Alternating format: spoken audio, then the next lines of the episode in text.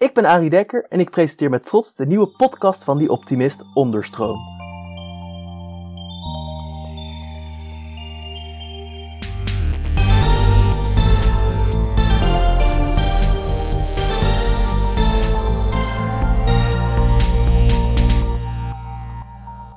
Welkom bij Onderstroom, de podcast van Die Optimist. Wij bieden om de week een podium aan mensen en ideeën die meer aandacht verdienen. En vandaag spreek ik met Wim van Lens, therapeut en oprichter van De Mannenboom, een praktijk voor mannencoaching. Hallo Wim. Hoi. Om te beginnen, vertel eens wat over jezelf. Wie ben jij? Nou, wie ben ik? Ik ben een man van 62, vader, stiefvader. Dat zeg ik heel snel, hè? vader, stiefvader. Dat is natuurlijk een wereld die daarachter ligt. Ik heb een eigen praktijk en ik begeleid mannen. Mannen die op de een of andere manier vastlopen in het leven.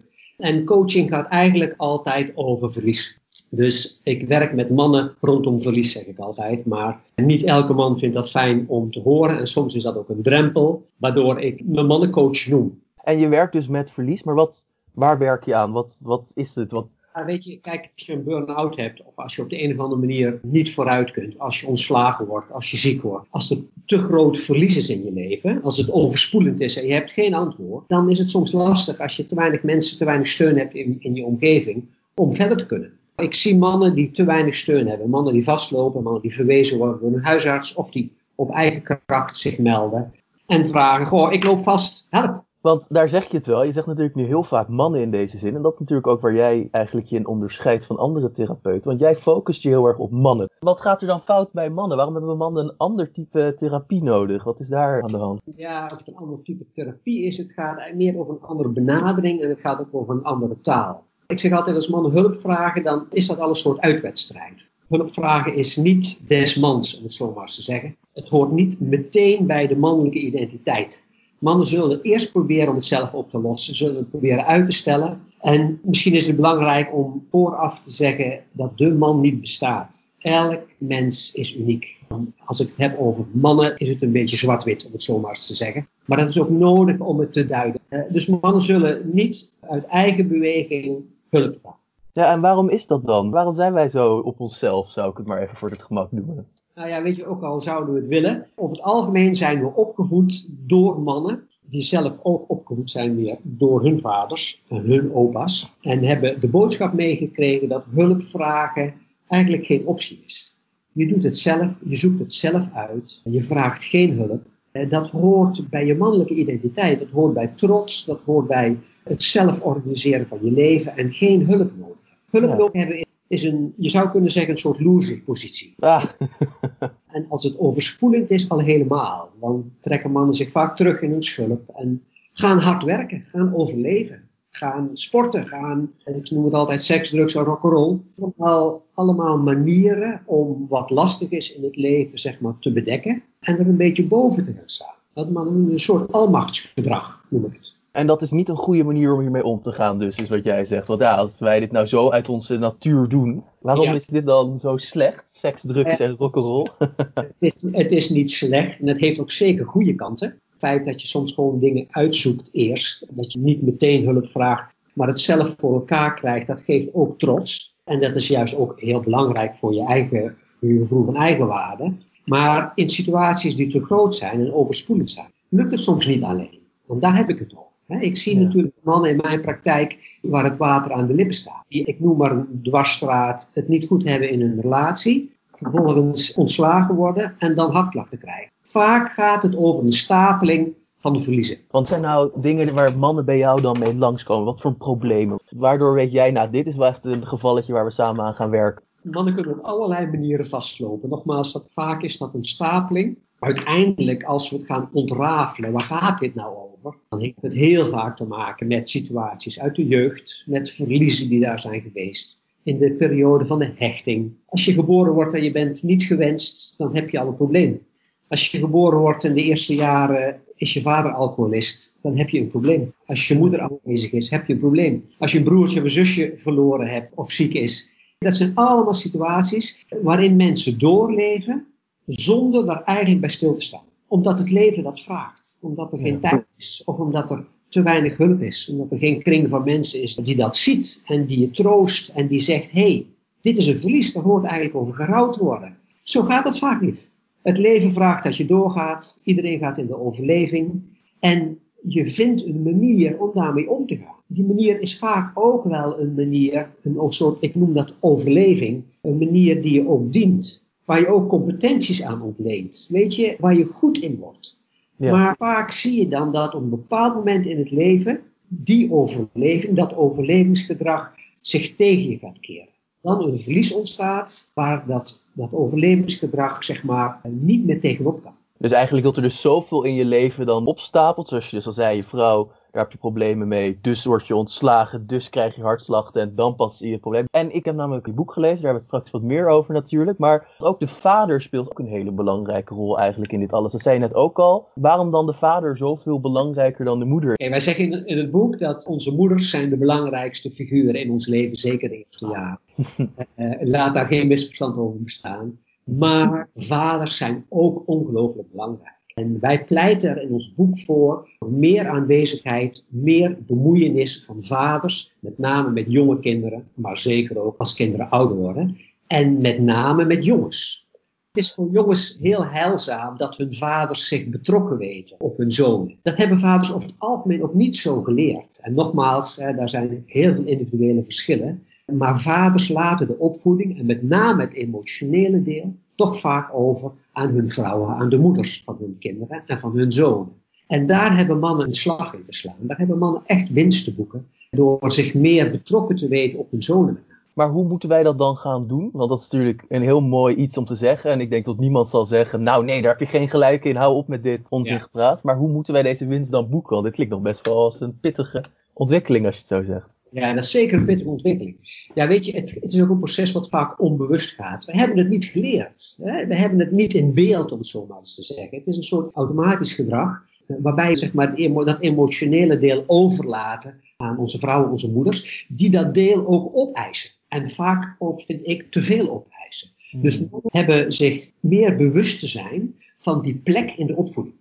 En ook zien welke plek hun vrouwen daarin opeisen of innemen. En daar terreinwinst te boeken. Daar zeg maar een, deel van op te eisen en werkelijk interesse tonen in hun zonen. Daar woorden aan te geven, maar dat begint met tijd maken. Met leuke dingen te doen. Dat begint met je bewust te zijn van als je kwaliteitstijd met je zonen door gaat brengen, dat dat op emotioneel vlak ook oplevert. En hoe word je je daar bewust van? Want dat is wederom inderdaad ja, helemaal mee eens. Is dat gewoon dat je gewoon denkt, nou, op dit moment doe ik dit en dit is belangrijk emotioneel? Of is het niet zo simpel? Nee, nou ja, weet je, dan, dan zit je er al in. Dan zit je al in quality time, om het zo maar eens te noemen. Want dan heb je al dus een keus gemaakt. Dan heb je tijd vrijgemaakt. Daar moet je ook in oefenen. Hmm. Mannen zijn vaak ook niet, niet gewend. We zeggen, ga dingen doen met je zoon.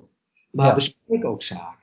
En laat je kwetsbaarheid zien. Als je het niet weet, weet je, ga in de relatie, stel je daarvoor open en plan dat ook. Doe dat bewust. En dan levert het vanzelf op. Precies, want dat wou ik ook vragen. Als je dan dus kijkt naar de perfecte man tussen aanhalingstekens. Dus niet een Adonis, maar meer in de richting van dus een man die helemaal emotioneel en sociaal goed zit. Wat, hoe ziet dat er dan volgens jou uit? Wat is de perfecte vader slash man slash alles? Mooie vraag. En het is ook leuk om te zeggen dat de perfecte man niet bestaat. Eh, het gaat over een evenwicht zoeken. Het gaat over een evenwicht zoeken en je bewustzijn bijvoorbeeld van de relatie die jij als man met jouw vader had. Hoe was dat? Was je daar tevreden over? Wat hadden jullie voor contact? Waar ging het over? Hoe intens was dat? Hadden jullie diepgaande gesprekken of niet? En niet om dat nou meteen heilig te verklaren, maar je zou ook kunnen zeggen, had je contact met je vader? En waar bestond dat uit? En was jij daar tevreden over? En hoe kom jij dat in het hier en nu, in je opvoeding met jouw kinderen tegen? De rijkdom daarvan, maar ook het tekort daarvan.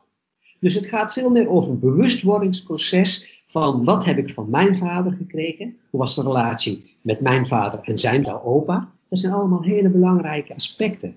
Je daar bewust van worden, dat levert al winst op. Dus eigenlijk moet je gewoon terugkijken. Je moet kijken, nou, wat is er in mijn leven dan niet helemaal goed en wel goed gegaan? En wat kan ik daarmee en wat moet ik daarmee? Maar het is dus wel grappig, omdat jij dus eigenlijk zegt, is dat je je opvoeding verbetert. Door eigenlijk naar je eigen verleden te kijken. Dus het blijft een heel persoonlijk proces, toch? Dat is wel ja, grappig. Ja, en, en, en jouw kinderen, jouw kinderen zijn de spiegel. daar kijk je in. Wij zeggen altijd, onze kinderen vertellen het ons verhaal. Kinderen vertellen het verhaal van hun ouders. Dus, dus, dus als je een, een lastige zoon hebt, om maar eens te noemen, Nou, dan kun je nagaan, dan is er iets tussen jou en hem wat niet klopt, hè, of wat niet aanwezig is, om zo maar te zeggen. En je kunt er bijna gif op innemen dat het ook met jouw vader aan de hand was, tussen jou en jouw vader. Hmm. Weet je, ik kan dat niet precies duiden, dat is heel, heel persoonlijk. Maar kijk maar heel goed naar je zoon, naar, naar je kinderen. Dan zie je wat je te doen hebt. Maar dat is natuurlijk wel ook een beetje eng. Stel nou, bijvoorbeeld, ik heb een wat stroeve relatie met mijn vader. Dan vind ik het best eng om dus te horen hoe zo vader, zo zoon, dat gaat jou ook overkomen. Dat vind ik dan best eng om te horen. Is best wel in je face. Maar ja, weet je, dit vak is niet alleen leuk. Dit vak gaat ook over confrontatie en spiegelen. En als je al je realiseert dat je een stroeve relatie hebt met je vader, dat is al een belangrijk beginpunt. Het feit dat wij nu zitten te praten samen over dit onderwerp is niet voor niets. Het zegt iets over mijn geschiedenis en het zegt iets over jouw geschiedenis. En ook de plek die jij inneemt in je vak op dit moment gaat hierover. Ergens, blijkbaar, heb je behoefte aan duiding, aan diepgang, aan contact waar het werkelijk over gaat. Nou, dat was in mijn geval precies hetzelfde. Mijn vader verloor zijn vader toen mijn vader drie jaar oud was. Mijn opa is gestorven aan de Spaanse griep in 14 dagen tijd. Vijf miljoen mannen, voornamelijk jongeren in Europa en in de wereld. Verschrikkelijk. En we zitten nu coronatijd.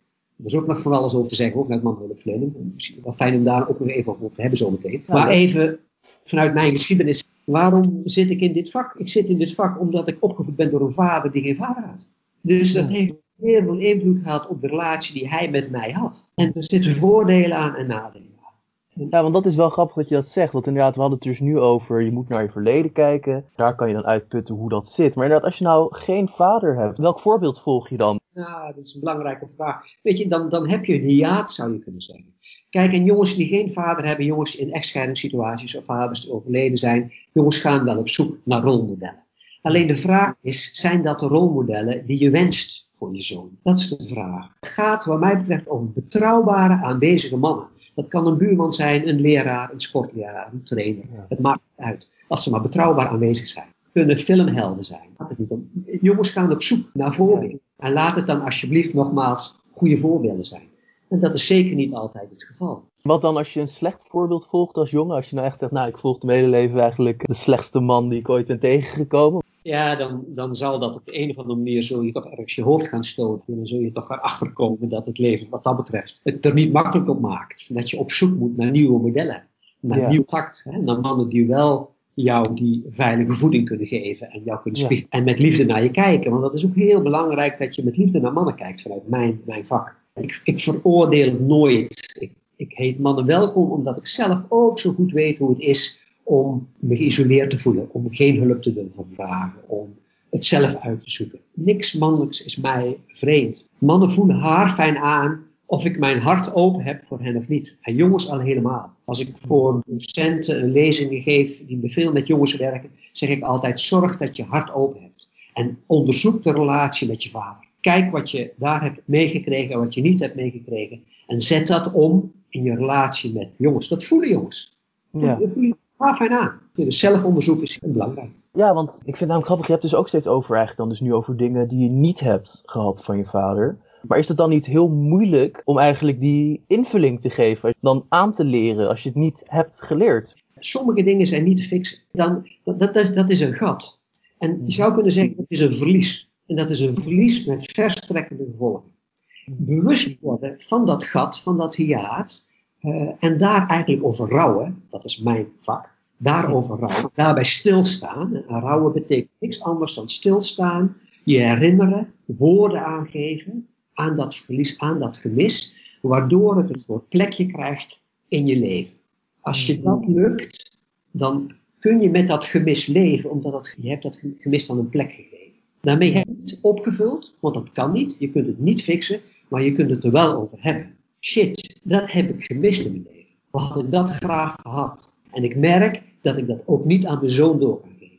Want ik, ik, ik ken het niet. Ik, ik ken het niet van binnenuit. Ik heb het ook nooit gekregen. En dat heb ik met mijn zoon, met mijn bonuszoon, uh, ken ik dat ook. Ik heb ook een aantal dingen van mijn vader niet gekregen. En dat, dat maakt het soms wel lastig. Dat is dus dan lastig, maar ja, je moet nog steeds wel dat gat invullen. Wat raad je dan iemand aan als hij in zo'n situatie zit? Nogmaals, als je in de spiegel kijkt van je kinderen, dan zie je soms je eigen hiaten. En de vraag is, ben je bereid die te zien? dan komen we weer op het punt van bewustwording. Als je ziet dat de relatie met je kind niet goed is, ben je dan bereid om te kijken naar je eigen aandeel. En als je met je kind niet goed is, gaat het altijd over jou als opvoeder. Het gaat altijd over jou als vader, niet over je kind. Je kind spiegelt, die laat gedrag zien wat soms heel lastig is om te verduren. Maar dat gedrag is een reactie op jou, soms afwezigheid, op het feit dat jij dingen laat liggen die je niet oppakt. Wat je nogal eens ziet is dat mannen dan de bocht binnen doornemen en hun kinderen schuld geven van de situatie. Dus mijn kind is lastig. Mijn jongen is totaal. Die gaat alle grenzen. Die respecteert mij niet. Als ik dit soort verhalen hoor in mijn preekkamer, dan confronteer ik mannen met hun eigen gedrag. Dan zeg ik, kijk eens in de spiegel. Welk jongetje zie je nou voor je? Hoe was, hoe was je Wat herken je daar? Wat was de relatie met je vader? Wat heb je daar niet gekregen? Telkens komt het weer op die vader. En nogmaals, moeders zijn ongelooflijk belangrijk. Maar de mannenlijn is de manier waar langs ik werk.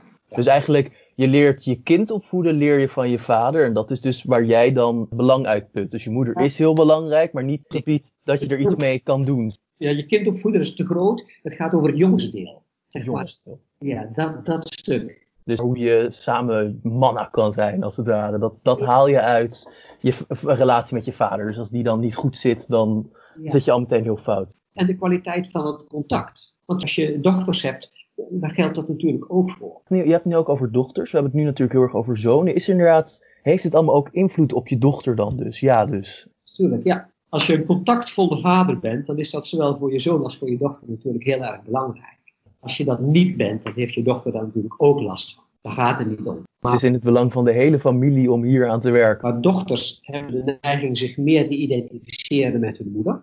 En als je een contactvolle moeder hebt, dan doe je dat deel daar wel op. En zonen doen dat voor een deel natuurlijk ook bij hun moeder op. Maar moeders zijn geen mannen. Dat deel waar je als jongen hebt te identificeren met mannen, haal je bij je vader of bij belangrijke aanwezige mannen. Mannen niet in contact staan, of weinig contactvol zijn, of in innerlijke roerselen, dan leer je als jongen daar ook je mond over te houden. Want dat vroeg ik me ook af. Hè? Nou, stel nou, je hebt echt een vader en die is gewoon geestesziek, psychopaat. Uh, gewoon echt zo'n vader die niet, nou, laten we zeggen, niet helemaal op een rijtje heeft. Dan is het best moeilijk om die nou, verbindenis, die terugblik te zien en daar iets uit te halen. Hoe gaat dat dan? Ja, weet je, dat, in dat geval spreken we van kopkinderen. Dan gaat het over een, een kop staat voor een kind van ouders met psychiatrische of verslavingsproblemen. Daar is voor een deel is het ook niet te fixen. Ik zie mannen in mijn praktijk die vaders hebben die in de psychiatrie opgenomen zijn of opgenomen zijn geweest. Of zich gesuicideerd hebben uiteindelijk. Of nou, hè, noem maar vreselijkste verhalen. Maar hebben dan onder ogen te zien dat ze een vader hadden met deze aandoening, met deze diagnose. Dat ze niet hebben gekregen wat ze eigenlijk nodig hadden. Dat ze hebben te rouwen over dat enorme verlies. En de invloed van dat verlies op hun leven en op hun leven van hun kinderen. Dat wil niet zeggen dat het geen geweldige opvoeders kunnen worden. Maar je hebt je wel te realiseren wat je verliezen zijn in dit geval. En daar, daar help ik mannen bij.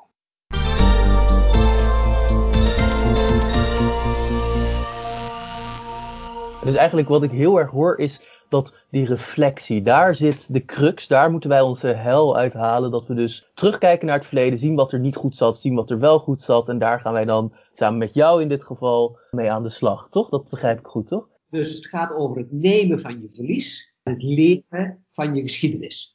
Precies, het nemen van je verlies en het leren van je geschiedenis. Mooi gezegd. En dat brengt me natuurlijk ook, want ik ben natuurlijk ook wel benieuwd. Nou, stel, ik ga naar je website. Ik geef aan, ik wil een afspraak maken. Wij zetten een uh, afspraak erin. Ik kom binnen. Nou, hoe gaat zo'n sessie er dan aan toe bij de mannenboom?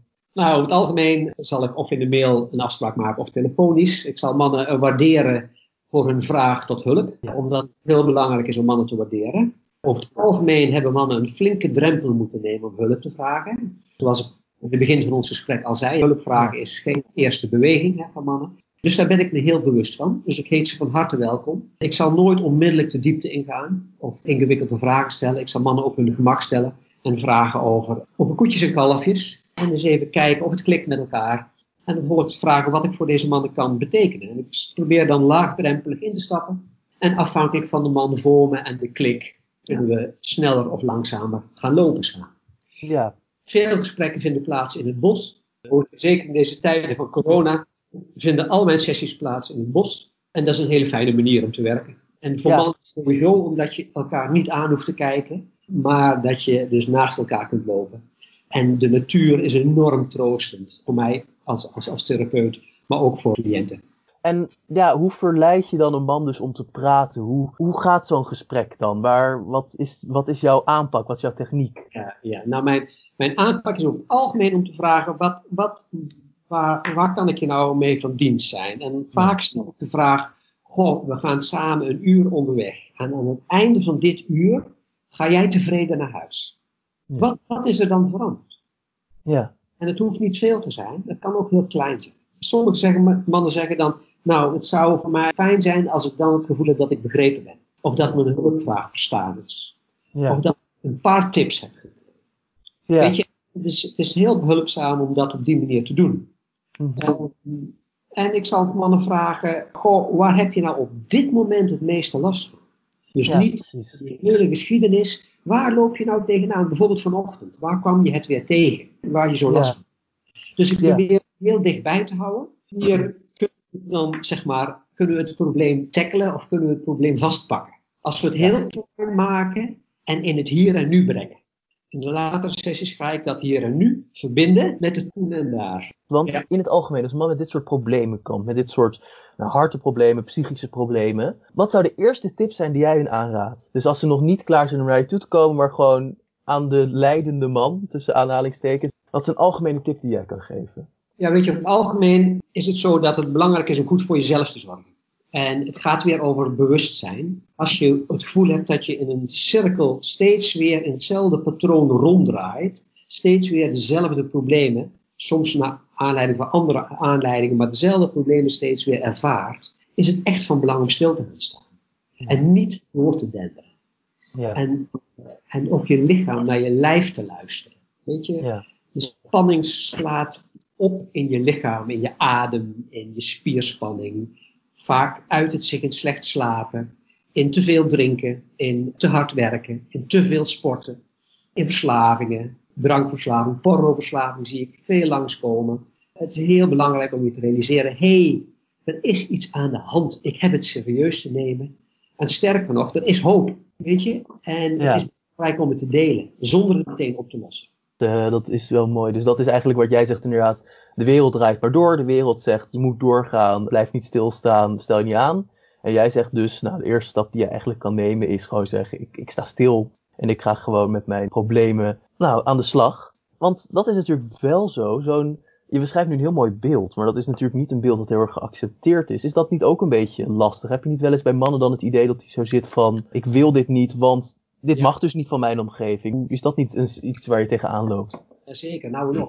Het is echt een mannenthema.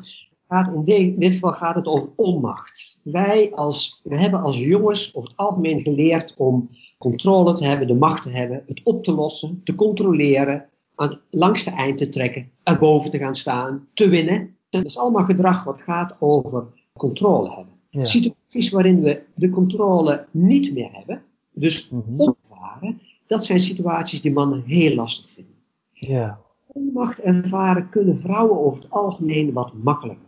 Vrouwen kennen de onmacht en het ongemak van hun lichaam. Die kennen de menstruatiecyclus. Die weten wat wachten is. Die weten, die weten dat het leven niet maakbaar is, maar dat je ertoe te verhouden hebt. Ja. En dat is wat mannen over het algemeen niet zo, zich niet zo bewust van zijn. Mannen denken dat ze alles kunnen fixen en alles kunnen controleren. Ja. Tot moment dat hun kind onder de auto komt. Of tot het moment dat hun baan verliezen. Of tot het moment dat hun vrouw wegloopt. En dan realiseren zich pas, chips hé, ik heb hier niks te fixen. Dus ik leer mannen om de onmacht te verduwen.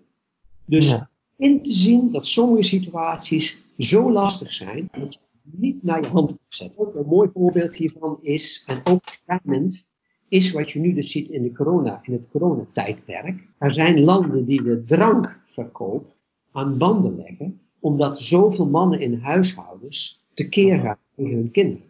De mishandeling op dit moment gaande in de wereld, naar aanleiding van de lockdowns, dat heeft alles te maken met dat mannen onvoldoende hun eigen onmacht kunnen reguleren.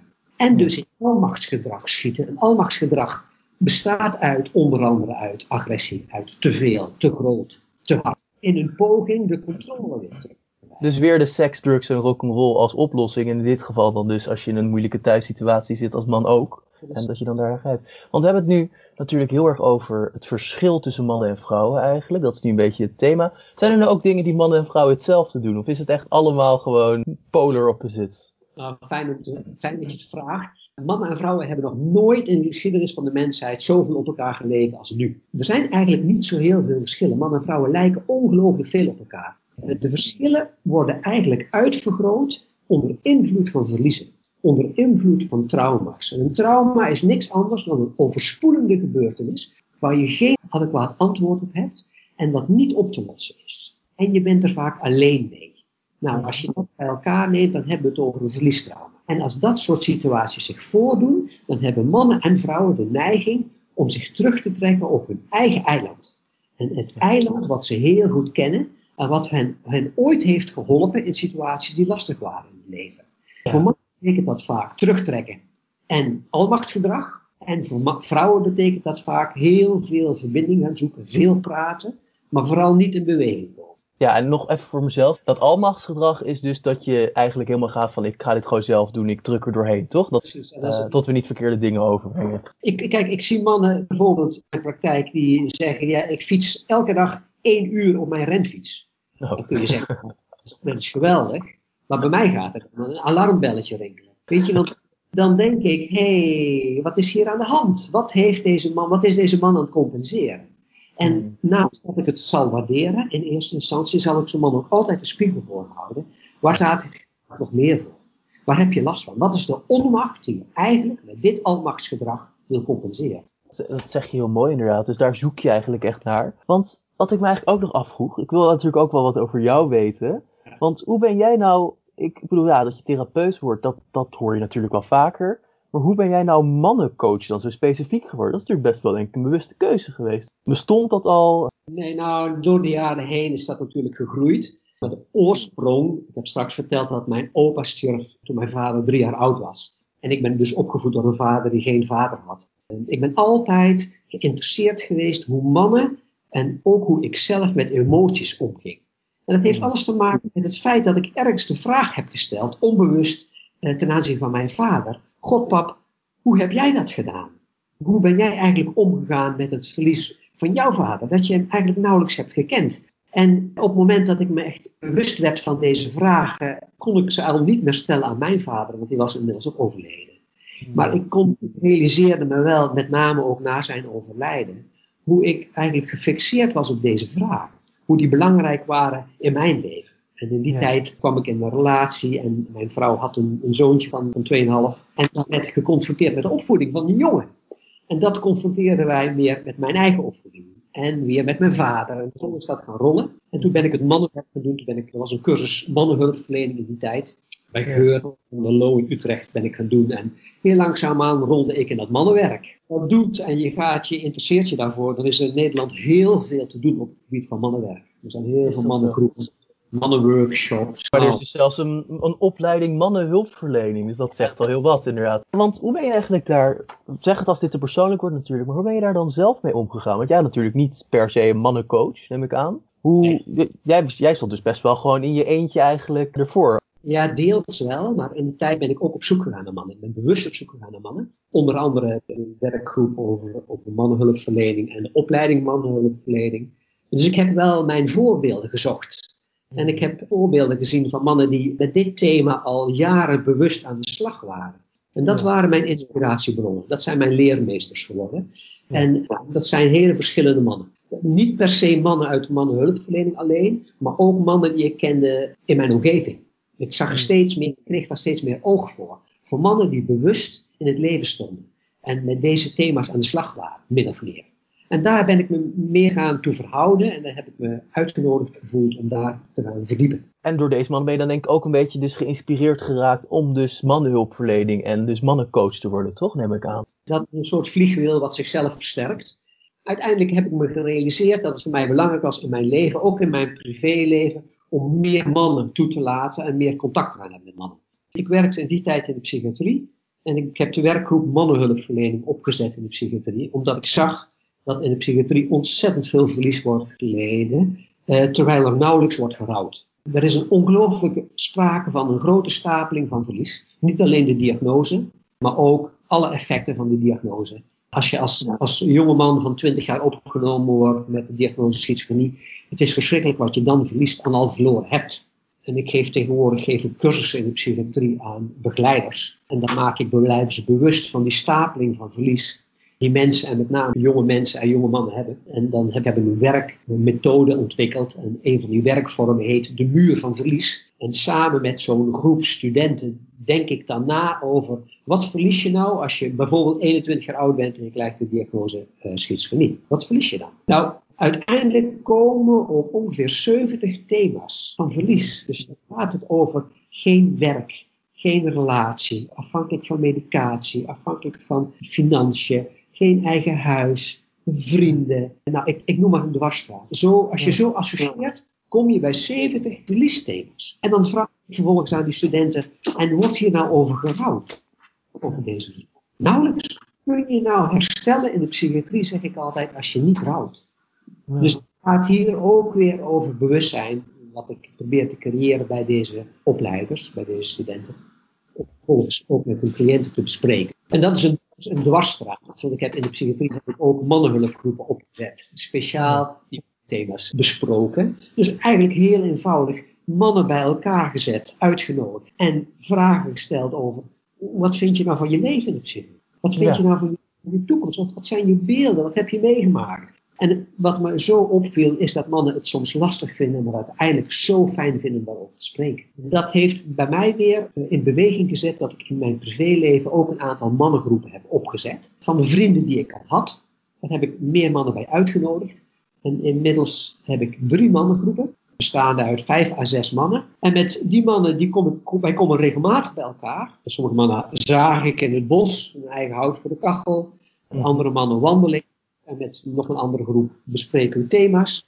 Maar het gaat altijd wel ook tijdens alles wat we doen, altijd tijd om het even te hebben over groepen die ik, die ik zelf heb georganiseerd. Altijd het over hoe het met onszelf is. Dus we delen altijd even iets van onze zielenroersen met elkaar. En voor mij zijn die mannengroepen heel inspirerend. En ik zeg altijd, als ik van zo'n man naar huis rijd, dan verlang ik ontzettend naar mijn vrouw. Dan heb ik eens nagedacht, hoe komt dat nou? En dat heeft voor mij alles te maken met dat ik me weer heb ondergedompeld in de wereld van de mannen. Ik heb me weer opnieuw kunnen identificeren met mannen. Ik heb die vriendschap weer ervaren. En dan heb ik vanuit die positie enorm de behoefte om weer over te steken naar mijn vrouw. Ik voel het hmm. letterlijk als een soort oversteken. Dus voor mij, ik heb die mannen nodig. Ik heb die mannengroepen nodig om mezelf weer, ja, het klinkt een beetje clichéachtig, om me weer man te voelen. En mijn mannelijke kwaliteiten weer te voelen. En dan heb ik weer heel veel zin in haar dat levert mij onder andere op. Naast de vriendschap die ik met mannen ervaar en de intimiteit die ontzettend fijn is om te ervaren. En dat is helemaal niet zweverig, eh, totaal niet, want we maken ruzie met elkaar en, en we zeggen elkaar de waarheid. En dat is soms echt lastig, maar heel fijn en ook een mannending. Dus eigenlijk, het is ook weer een gevalletje balans is belangrijk. En dat zie je wel vaker bij dit soort dingen. Je moet niet alleen maar met mannen, maar je moet ook, je vrouw is hier ook heel belangrijk bij. En dat is natuurlijk ook heel erg uh, logisch. Want ik denk dat als je hier naar luistert, je dat wel hoort. Uh, het is natuurlijk heel veel verlies, heel veel rouw, heel veel, nou, dus uh, dat je je niet man voelen. En daar specialiseer jij je ook in, toch? In, wat was het, rouw, verlies. En uh, hoe, waarom deze specialisatie? Hoe ben je daar dan op gekomen? Nou, dat heeft alles te maken met het feit. Ik moet even, ik moet even nadenken hierover. Er zijn meerdere wegen die komen leiden. Nou, een belangrijke is in ieder geval dat ik mijn huidige vrouw ben tegengekomen toen haar man nog leefde. En wij woonden naast elkaar en we ontwikkelden een beginnende vriendschap met mijn toenmalige partner. Om een lang verhaal kort te maken, haar man is overleden. Ik ben bij mijn partner weggegaan. En ik ben verliefd geworden op mijn toenmalige buurvrouw. Omdat van overleden was. Zijn verlies heeft bij haar ervoor gezorgd dat zij is zich gaan verdiepen in de wereld van rouw van haar kinderen. Er was op dat moment, ik heb het nu over bijna 30 jaar geleden, was er nauwelijks iets geschreven over kinderen. Terwijl zij haar man verloren was. Ze bleef met twee kinderen achter. En ze wist in God niet hoe dat moest. Maar ze zag wel dat haar kinderen ongelooflijk en om een lang verhaal kort te maken, ze is zich gaan specialiseren in die wereld van rouw. Uiteindelijk in de wereld van de volwassen rouw. En wij kwamen elkaar tegen. Nogmaals, we zijn verliefd geworden. Maar eigenlijk al heel snel kon ik die rouwwereld aan mijn eigen, aan, aan het verlies van mijn, aan uh, het feit dat mijn vader geen vader had gehad, dus aan de verliezen in mijn leven. Dus de koppeling naar wat verliezen mannen dan, die was eigenlijk snel gemaakt. En ik had hulpverlening, mannenhulpverlening had ik al achter op de rug. Dus ik heb die twee zaken geïntegreerd. En nadenkend daarover realiseerde ik mij dat elke coachingsvraag uiteindelijk te maken heeft met verlies. Als je het afpelt, als je de ui afpelt van de coachingsvraag, gaat het in de kern over verlies.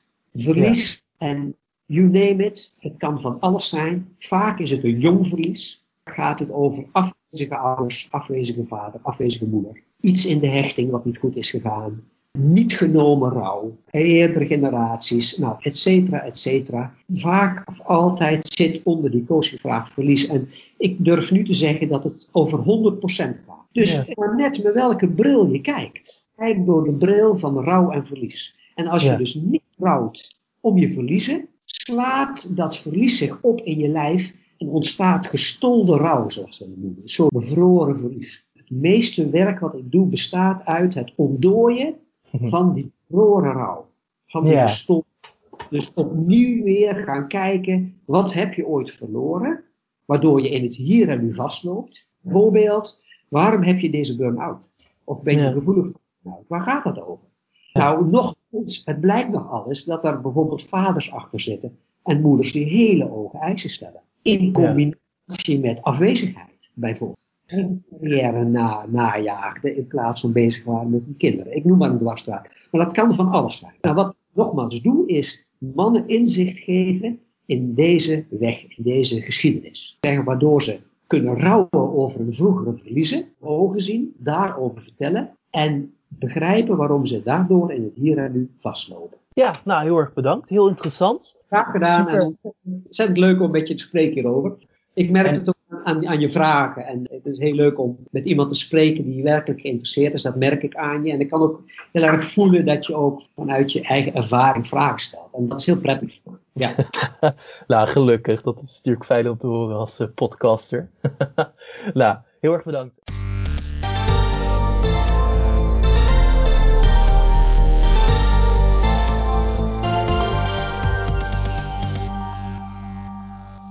Nou, Misschien moet ik ook maar eens wat hout gaan hakken met Wim. Als dit de eerste podcast is die je van ons hoort, kan je via onze website, Spotify of welke plek je dan ook graag podcast luistert, de vorige aflevering over guerrilla gardening vinden. Hierin vertelt Kirian van Gestel ons over hoe zij het grijs uit steden verjaagt en hoe jij ook hieraan kan bijdragen. Ook zal ik in de beschrijving een link zetten naar de website van de Mannenboom en het boek dat Wim samen met Tim Overdiek schreef. Wij zijn er over twee weken weer, maar in de tussentijd hoef je natuurlijk niet met je duimen te gaan zitten draaien. Zo is het nieuwste nummer van The Optimist 194 uit, met als coverthema talent, waarin onder andere rapper Ali B en het zesjarige wonderkind Jaden Ordonis vertellen wat talent volgens hen inhoudt.